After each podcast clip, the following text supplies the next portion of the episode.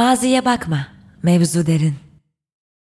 OM'un Maziye Bakma Mevzu Derin sergisi, geçmişten günümüze birey ve toplum arasındaki ilişkiye ve ötekiyi tanımlama biçimlerimize odaklanıyor. Sergideki eserler, aidiyet, adaptasyon, kabul görmeme, meydan okuma gibi insan olma hallerini araştırıyor. On Podcast'a hoş geldiniz. Mikrofonda ben Büşra Erkara. Bugünkü konuğumuz sergide Bir ihtimal Daha Var eseriyle yer alan sanatçı Zeren Göktan. Zeren ilk sergisini 1997'de Maçka Sanat Galerisi'nde açtı. Eserleri Ho Hanro'nun küratörlüğünü üstlendiği 10. İstanbul Bienalinde ve pek çok grup sergisinde izleyicilerle buluştu. Son kişisel sergisi Derin Mavi 2021'de Karaköy'deki Zülfaris Sinagogu'nda gerçekleşti. Hoş geldin Zeren. Hoş bulduk. Beni ağırladığın için teşekkür ederim. Çok heyecanlıyız burada olduğun için. Bu serinin ilk bölümünü seninle kaydediyoruz. Ben de çok heyecanlıyım. Bir ihtimal daha var. Eserinin de yer aldığı sergi. Maziye bakma mevzu derin. Pek çok şeyle ilgili ama belki de en temel odak noktalarından biri Türkiye'de birey olmanın, birey kalmanın zorluğu ve aslında bazı kimlikleri taşıdığımızda bu zorluğun katlanarak artması.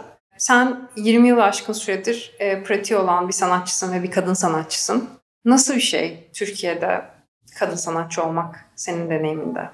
Ee, Büşra'cığım çok güzel bir soru.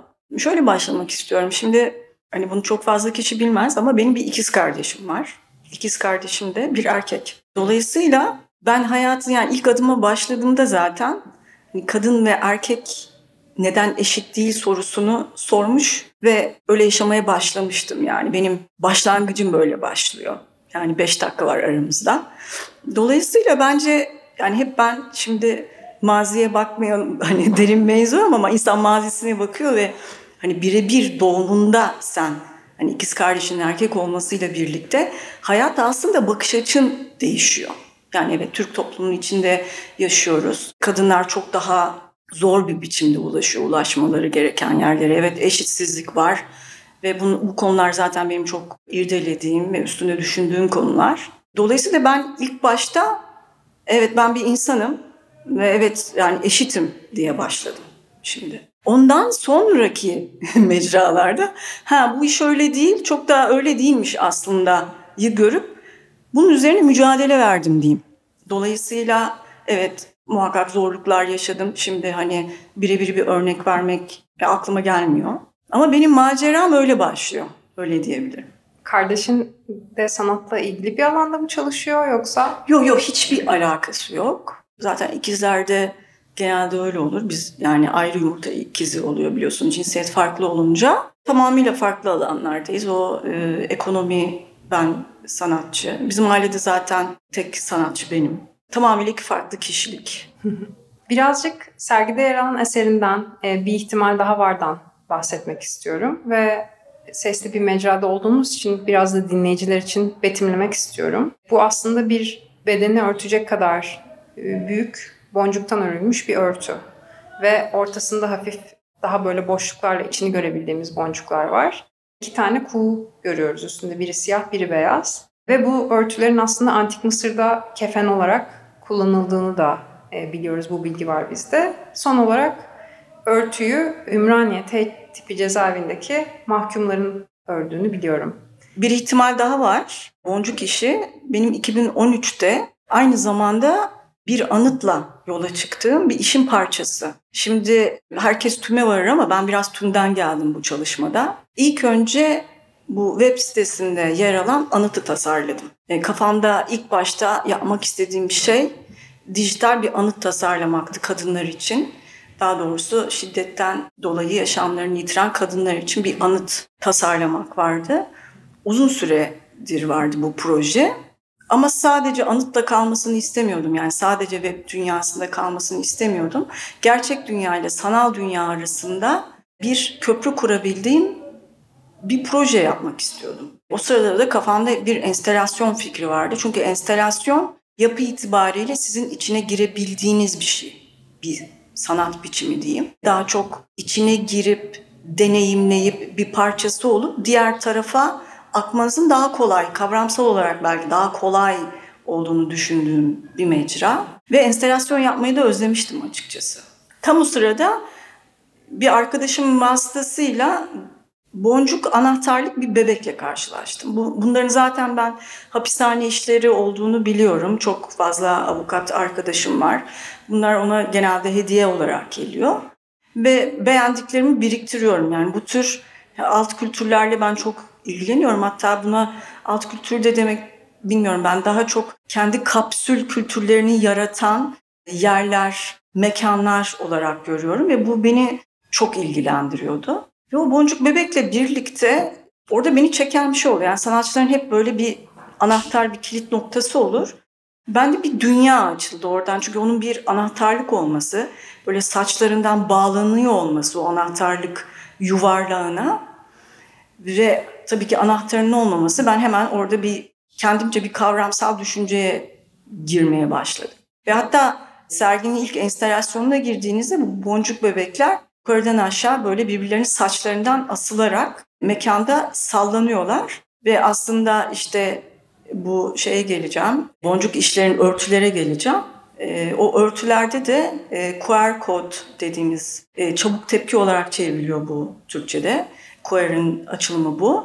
E, orada olmayan anahtarı aslında oradaki QR kodla birleştiriyoruz. Orada da e, örtünün üzerinde de o QR kodla birlikte diğer alana açılıyor. Yani anıt sayacı açılıyor. Sergide bulunan bir ihtimal daha var. Boncuk işi benim için önemli çünkü benim bir diğer bir işime de gönderme yapıyor. Benim o zamanlar keşfettiğim Siyah Kuğu vakası böyle bir fotoğraf serim var. E, bu Nicholas Taleb'in bir kitabı aslında. Orada e, şundan bahseder. Daha önce insanların sadece beyaz kuğuların olduğuna olan inanışının Avustralya'nın keşfiyle birlikte nasıl hüsrana uğradığı aslında ve e, siyah kuğu, kuğuların da varlığının bulunması. Yani ben bu şu arada da bunu çok ilginç buluyorum çünkü bu post-truth zamanında hani bilginin e, yok olması ve daha çok neye inandığımızın ön plana çıkması bence çok enteresan. Ama bu bağlamda bu sergide aslında bir ihtimal daha var. Aynı zamanda bir şarkı sözünün bir kısmı. Yani ben size diyorum bir ihtimal daha var. Acaba ölmek mi dersin ne dersin diye giden şarkıya bir şekilde sizi gönderiyorum. Ama orada siyah kuğuyu birbirine bakarak çizerken de acaba yani bir ihtimal daha var ölmek mi dersin yerine bir ihtimal daha var yaşamak mı dersin ne dersin yani aslında oradaki şeyi çeviriyorum yani ters köşeye seyirciyi konumlandırmaya çalışıyorum diyebilirim. Anıt Sayaç'tan birazdan tabii ki hak ettiği üzere daha da çok daha detaylı bahsedeceğiz. QR kodlar da aslında bana iki şey düşündürdü. Biri e, bu böyle pek çok medeniyetin az önce seninle konuşuyorduk kayıttan önce e, kullandığı bir teknik boncuk işi ve çok uzun binlerce yıldır. Ama mesela QR kod çok içinde bulunduğumuz belki de 20 yıla 30 yıla ait bir teknoloji ve boncukların işte siyah ve beyazla birazcık bir ve sıfır olduğundan bahsediyordun. Belki oraları biraz açabiliriz. Ama şimdi 2021'de pandemiden sonra tabii ki QR kod çok daha hayatlarımızda. Kafeye gidiyoruz, menüyü scanlıyoruz. 2013 hiç öyle bir zaman değildi. Senin aklına nereden gelmişti QR kodla çalışmak? Şimdi daha önce dediğim gibi ilk başta anıt sayıcı tasarladım. Yani bunun bir dijital ortamda kadınlara bir anıt olarak tasarladım. Ama aynı zamanda bir sürü şeyde yani benim görmediğim ama görmek istediğim bir alanlara açılmasını istiyordum. Bir defa yani anıtın şöyle bir şey var. Biz hafıza olarak çok fazla şeyi unutan bir toplumuz. Sizin serginizde biraz bununla da ilgili zannediyorsam. Bir defa orada hem bir yani bu anıt aynı zamanda bir karşı anıt gibi düşünebiliriz. Çünkü kamunun kendi içinde yani herkesin çok parçası olarak tasarlanan ve bütün sürecine hakim olduğu bir anıt değil de aslında gerekli olduğuna inandığım yine sizin burada bireyselliğe gidiyoruz biraz. Bir bireyin bir toplumsal hafıza yaratmak için ortaya koyduğu bir şey. Bir hafıza mekanı. Aslında burada da yine yani genelde devlet e, eliyle, kamusal alanda bir takım kurumların kararıyla falan yapılan e, anıtlara aşinayız biz. Ama burada biraz farklı. Burada olmayan bir şey üzerine bir anıt yapıyorum. Hem yani neden yok hem de aslında yapma sebebimin varlığını yok etmek. Dolayısıyla enteresan bir yoldan çıktım. QR kod da şimdi yani bir web sitesini bir enstalasyonla nasıl birleştireceğim? Yani oradan o tarafa bir geçirgenliği nasıl sağlayabilirim? Aklıma tabii ben konularla çok ilgiliyim. Hemen QR kod geldi. Çünkü QR kodun açılımı da çabuk tepki. Bu da kavramsal olarak beni çok ilgilendiriyor. Çünkü bu anıt sayıcı yapma sebebim benim bir çabuk tepki görebilmem. Yani artık hani bu cinayetlerin e, son bulmasına karşı bir tepki görmek istiyorum aslında. Dolayısıyla oradaki o QR kodun kavramsal duruşu aslında o çabuk tepki manası aynı zamanda eylemi benim çok işime geldi. E tabii yani şey çok zordu. En zor kısmı bu QR kod çok güzel ama bunu ben boncuğa nasıl düşüreceğim? Yani boncuk çok nesnel bir şey. Yani ilk başta böyle bir boncuğun 0-1 ile olan ilişkisini kurmak çok kolay bir şey değil. Ama yapılıyor. Onu da görmüş oldum. O da benim çok hoşuma gitti. Yani tüme tüme tüme varmadım, tümden geldim diyorum ya çok ilginç bir süreç oldu benim için. Yani tümü ilk önce tasarladım. Oradan tek tek tane tane boncuğa düştüm. Yani tek bir boncuğa düştüm diyebilirim. Evet ve boncuk işi hapishane kültüründe zaten olan ve galiba bilmiyorum Türkiye'de başka herhangi birileri boncuk işiyle üretim yapıyor mu? Yani ya da şu grup insanlar yapıyordur dediğimiz mahkumlar kadar geniş bir artizan grubu Şimdi var mı? şöyle e, boncuk yani bu tür işler hapishane ortamında üretiliyor. Yani bu bir, bir janra yani oraya ait bir şey, or, oradan çıkan bir şey. Yani hapis olma ilişkisiyle de ilgili bir şey olduğunu düşünüyorum. Çok konsantrasyon gerektiren bir şey ama aynı zamanda çok basit bir malzeme ve çok çok renkli, çok basit, çok ulaşılabilir, artizan gerektiren, yani el işçiliği gerektiren ve zaman gerektiren bir şey. Bir de şöyle bir şey var, boncuk işleriyle karşılaştım ve o kültürle karşılaştıktan sonra boncuk işle, işlerinin içinde ve üstünde bulunan aşk söylemleri beni çok ilgilendirmeye başladı. Bütün o aşk söylemleriyle birlikte bu kadın cinayetlerini ve bütün bu ortamı tasarlamak benim çok ilgimi çekti diyebilirim. Çünkü orada bir oradaki aşk söylemlerinin içinde böyle bir, bizim kültürümüzde de olan işte o bitmek bilmeyen bir aşk üçgeni ve dehlizi ve bunun bir şekilde bir sonsuzluğa ve bir ölüme ve bir kadere bağlanması bence çok güzel oturdu projeye. Başlıklarını seçerken bu örtülerin zaten e, aldığım sözcüklerde o örtülerin üstünde yazıyor. İşte bir ihtimal daha var. Benzemez kimse sana gibi benim karşılaştığım bu isimler bir yandan bir baktım ki bunlar aslında e, bizim toplumumuza sirayet olmuş, sloganlaşmış cümleleri dönüşmüşler. Yani bir futbol maçına da gittiğinizde taraftar takımı için bu şarkıyı söylüyor. Yani bunlar benim için çok enteresan karşılaşmalar. Dolayısıyla bir sanatçı olarak tabii ben o karşılaşmaları kullanıyorum. Onlardan besleniyoruz çünkü muhakkak besleniyoruz ve onları kullanıyorum ama başka kapılar, başka pencereleri açmak için kullanıyorum. Yani hem aşina olduğumuz bir kültürü alarak sana başka bir biçimde göstermeye, sunmaya veya başka bir pencere açmaya çalışıyorum diyebilirim. Bu işleri kafanda tasarladığın ve zaten uzun süredir düşündüğün bir şeydi ve anıt sayacı takiben geldi. E, sonrasında üretim süreci nasıldı? Bir brief mi verdin yoksa nasıl gerçekleşti işlerin hayata geçirilmesi süreci? Şimdi ilk başta dediğim gibi anıt sayıcı ben tasarladım ve web sitesinin ismini belirledim. Çünkü QR kod oraya bağlanıyor. Dolayısıyla ilk önce QR kodu tasarladım. Ve içinde de küçük bir kalp vardı, kırmızı kalp vardı. İlk tasarladığım QR kodun içinde. Hiç unutmuyorum. İşliyor mu diye ilk başta onu yaptım. İşliyor mu diye baktım. Aa işliyor dedim, onu keşfettim. QR kodu tasarladıktan sonra bu ilk başta bulduğum boncuk bebeğin peşine düştüm.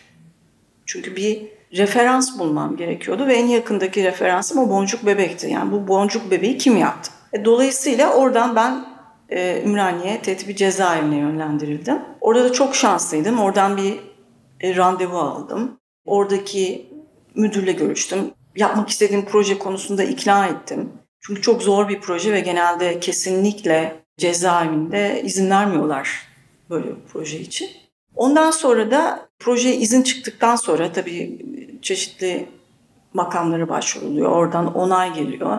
E bunun için tabii sen bir yazı yazıyorsun. Ne yapmak istediğini söylüyorsun ve bir tasarım götürüyorsun. Yani işte benim bu yapmak istediğim Mısır kefen örtüleri olan referansı, onun bilgisayarda tasarımı, bunun QR'koda gidecek tasarımı ve projenin amacı ve anıt sayaçla ilgili bütün bilgiler dosyalanıp veriliyor. Ondan sonra tabii mahkumlarla tanıştım. Açıktı yani isteyen bunun parçası olabiliyordu, isteyen olmuyordu. İsteyen birkaç tane yapıyordu, isteyen yapmıyordu. Yani bu çok uzun bir süreçti zaten. Haftada iki gün gidiyordum belirli saatler arasında. Ondan sonra ilk başta bir tezgah kuruldu. Yani tezgahın kurulmasına izin almak bile çok uzundu, zordu. Tezgah kurulduktan sonra ben dediğim gibi haftada iki defa gidiyordum, yapılanlara bakıyordum, beraber konuşuyorduk, karar veriyorduk, nasıl bir yol izleyeceğiz. Ben muhakkak onlara tabii bir bilgisayar çıkışı götürüyordum. Yani hesaplanmış bir bilgisayar çıkışı. Onlar o bilgisayar çıkışını alıp milimetrik bir kağıda döküyorlardı. Yani orada ben hesaplıyorum ama onun bir de kağıda dökülme kısmı var. Ondan sonra tezgahta yapılmaya başlıyordu. Boncuk bebekler, yani boncuk bebekler çok çok güzeldi. Çünkü neredeyse bütün hapishanedeki herkes yaptı diyebilirim. Yani açıktı çünkü o. Yani ben çoğunu görmedim yapanları. Çünkü çok fazla miktarda yapıldı. Ben sadece boncuk yani bir tane örnek götürdüm ve boncuk bir sürü boncuk götürdüm. Bıraktım oraya. Ve onlar kendi kendilerine yaptılar boncuk bebeklerini. Hatta hiç unutmuyorum. Birkaç mahkum boncuk bebeklerine bir ağlama işareti yapmaya başladı. Bu benim yani mesela o anda ben böyle çok uçmuştum. Yani böyle aklıma bile gelmemişti böyle bir şey. Yani onların öyle kendi kendilerine ek, eklemlemeler yapıyorlardı bebeklere işte. Yani işte bu kızıl saçlı olsun, bu ağlasın gibi. O çok enteresan bir süreçti. Hiçbir şekilde ona müdahale etmedim. Bence işin güzelliği orada. Boncuk işlerde, diğer boncuk işlerde, tüllerde diyeyim, daha spesifik bir yol izlenmesi gerekiyordu. Fakat onda da yani çok güzel diyaloglarımız oldu. Mesela ben bir kere gittim, tersten işlemişler mesela harfi. Bu çok hoşuma gitti benim. Hep ben şöyle düşünüyorum yani bir kilim dokuyoruz sanki. Yani kilimde de muhakkak hata olur ve aslında o kilimin güzelliğidir. Yani elde dokunulduğunu gösterir. Bu benim çok hoşuma gidiyordu. Onlar asla kabul etmiyordu. Ve böyle birkaç e, kişi böyle e, benim gözümün önünde söktüklerini gördüm. Ve mesela hiç unutmuyorum o gün böyle eve dönerken çünkü çok uzak bir yer benim evime ve hep bu müdahaleyi düşünüyordum. Ve böyle bana çok dokunmuştu o. Yani en dokunan noktalardan biri oydu. Çünkü şey düşündüm yani küçücük bir hatayı kabul edecek yeri kalmamıştı artık. Yani benim orada benimsediğim şeyi o asla benimsemiyordu mesela. Yani çok ilginç diyaloglar oluyor tabii. Evet, pek çoğumuzun yani kadın cinayetleri son yıllarda gittikçe kötüleşen o gündemi de takip eden pek çok insanın aşina olduğu bir iş aslında Anıt Sayaç. Yine de henüz görmemiş olan varsa ondan da bahsetmek istiyorum. Şeyi sorabilir miyim sana? O data çekme işinin nasıl gerçekleştiğini. Yani mesela her yeni cinayet olduğunda ma- manuel olarak mı ekleniyor açık bir kodu yoksa... E... Ben elimle giriyorum. Gerçekten mi? Tabii tabii. 2013'te ben anı sayıcı tasarladığım vakit ne yapmak istediğimi çok kişi anlamadı. Dolayısıyla ben kendi kendime yaptım. Yani bütün hepsini ben kendimi tasarladım. Hatta web sitesini tasarladım. Öyle gittim e, STK'ları, dernekleri. Ve böyle bir fikrim var. Bu fikrin bir parçası olur musunuz?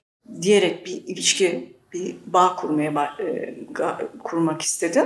Özellikle burada kadın cinayetlerini durduracağız platformuna çok teşekkür ediyorum. Onlar mesela bana 3 ay sonra telefon açtılar. Ya Zeren biz şimdi anladık senin ne yapmak istediğini.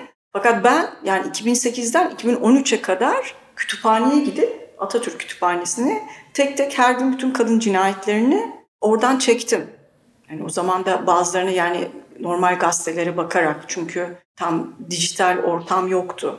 Yani 2008'e kadar gidemiyordunuz. Benim kafamda 5 yıllık bir arşiv taramayla başlamam gerektiği konusunda bir istek vardı. Tek tek onları ben oradan taradım. Ondan sonra web sitesini tasarladım. Ondan sonra gösterdim benim projem bu. Bu projeyle beraber nasıl yol alabiliriz? Bunu da çok önemsiyorum. E, bunun bir dayanışmayla olması gerekiyor ve bunu çok önemsiyorum. Bunu da şöyle söyleyeyim. 2000 işte Huhuanru'dan bahsettin İstanbul Bienalinden. O zaman hepimiz gönüllüyüz diye bir proje çekmiştim ben. E, Türkiye'nin birçok yerine gitme fırsatım olmuştu. Yine Türkiye'de Doğu'da, Diyarbakır'da kaderle e, çekimler yaptık ve orada sene 2007-6 kadın dayanışmasının ne kadar önemli olduğunu gördüm. Ve biraz da İstanbul'da bunu göremediğimi fark ettim. Yani o, o, o bana bir güç verdi açıkçası. O dayanışmayı görmek bana çok büyük bir güç verdi ve öyle karar verdim. Yani bu projenin artık yapma vaktim geldiğini o projeden sonra karar verdim. Yani aslında sanatçıların hepsi öyle yani bir proje bir projeyi tetikliyor. Hepimiz gönüllüyüz de aslında gönüllü olmanın ne demek olduğunu sorarken bir yandan acaba ben gönüllü olarak ne yapmam gerektiğini sorduğumu fark ettim. Yani bu bir politik duruş mu? Gönüllü olmak Türkiye'de nasıl algılanıyor? Bunlar çok önemli sorular. O projeyi yapmak beni bugüne getirdi. Yani Anıtsayac'a getirdi. O zaman ben vatandaş olarak ve bir sanatçı olarak bu konuya nasıl katkıda bulunabilirim ve bu konu beni acıtan bir konu. Ve benim kesinlikle çok derinden hissettiğim bir konu. Hala devam ediyor çünkü aktif bu proje ve sonsuza kadar aktif olacak da dediniz. Yani şimdi şöyle ben yani bu zamana kadar kendim giriyorum her gün. Ondan sonra da kadın cinayetleri durduracağız platformuyla e, çapraz sağlamayla tekrar bakıyoruz girilen cinayetlere. Bakıyorum diyeyim. E, bundan sonra da yani projenin benimle bitmemesi için yani keşke yani çok uzun zaman oldu. Hani belki bu kadar uzun zaman içerisinde bir şeylerin daha çok değişeceğini düşünürdüm ama öyle olmadı.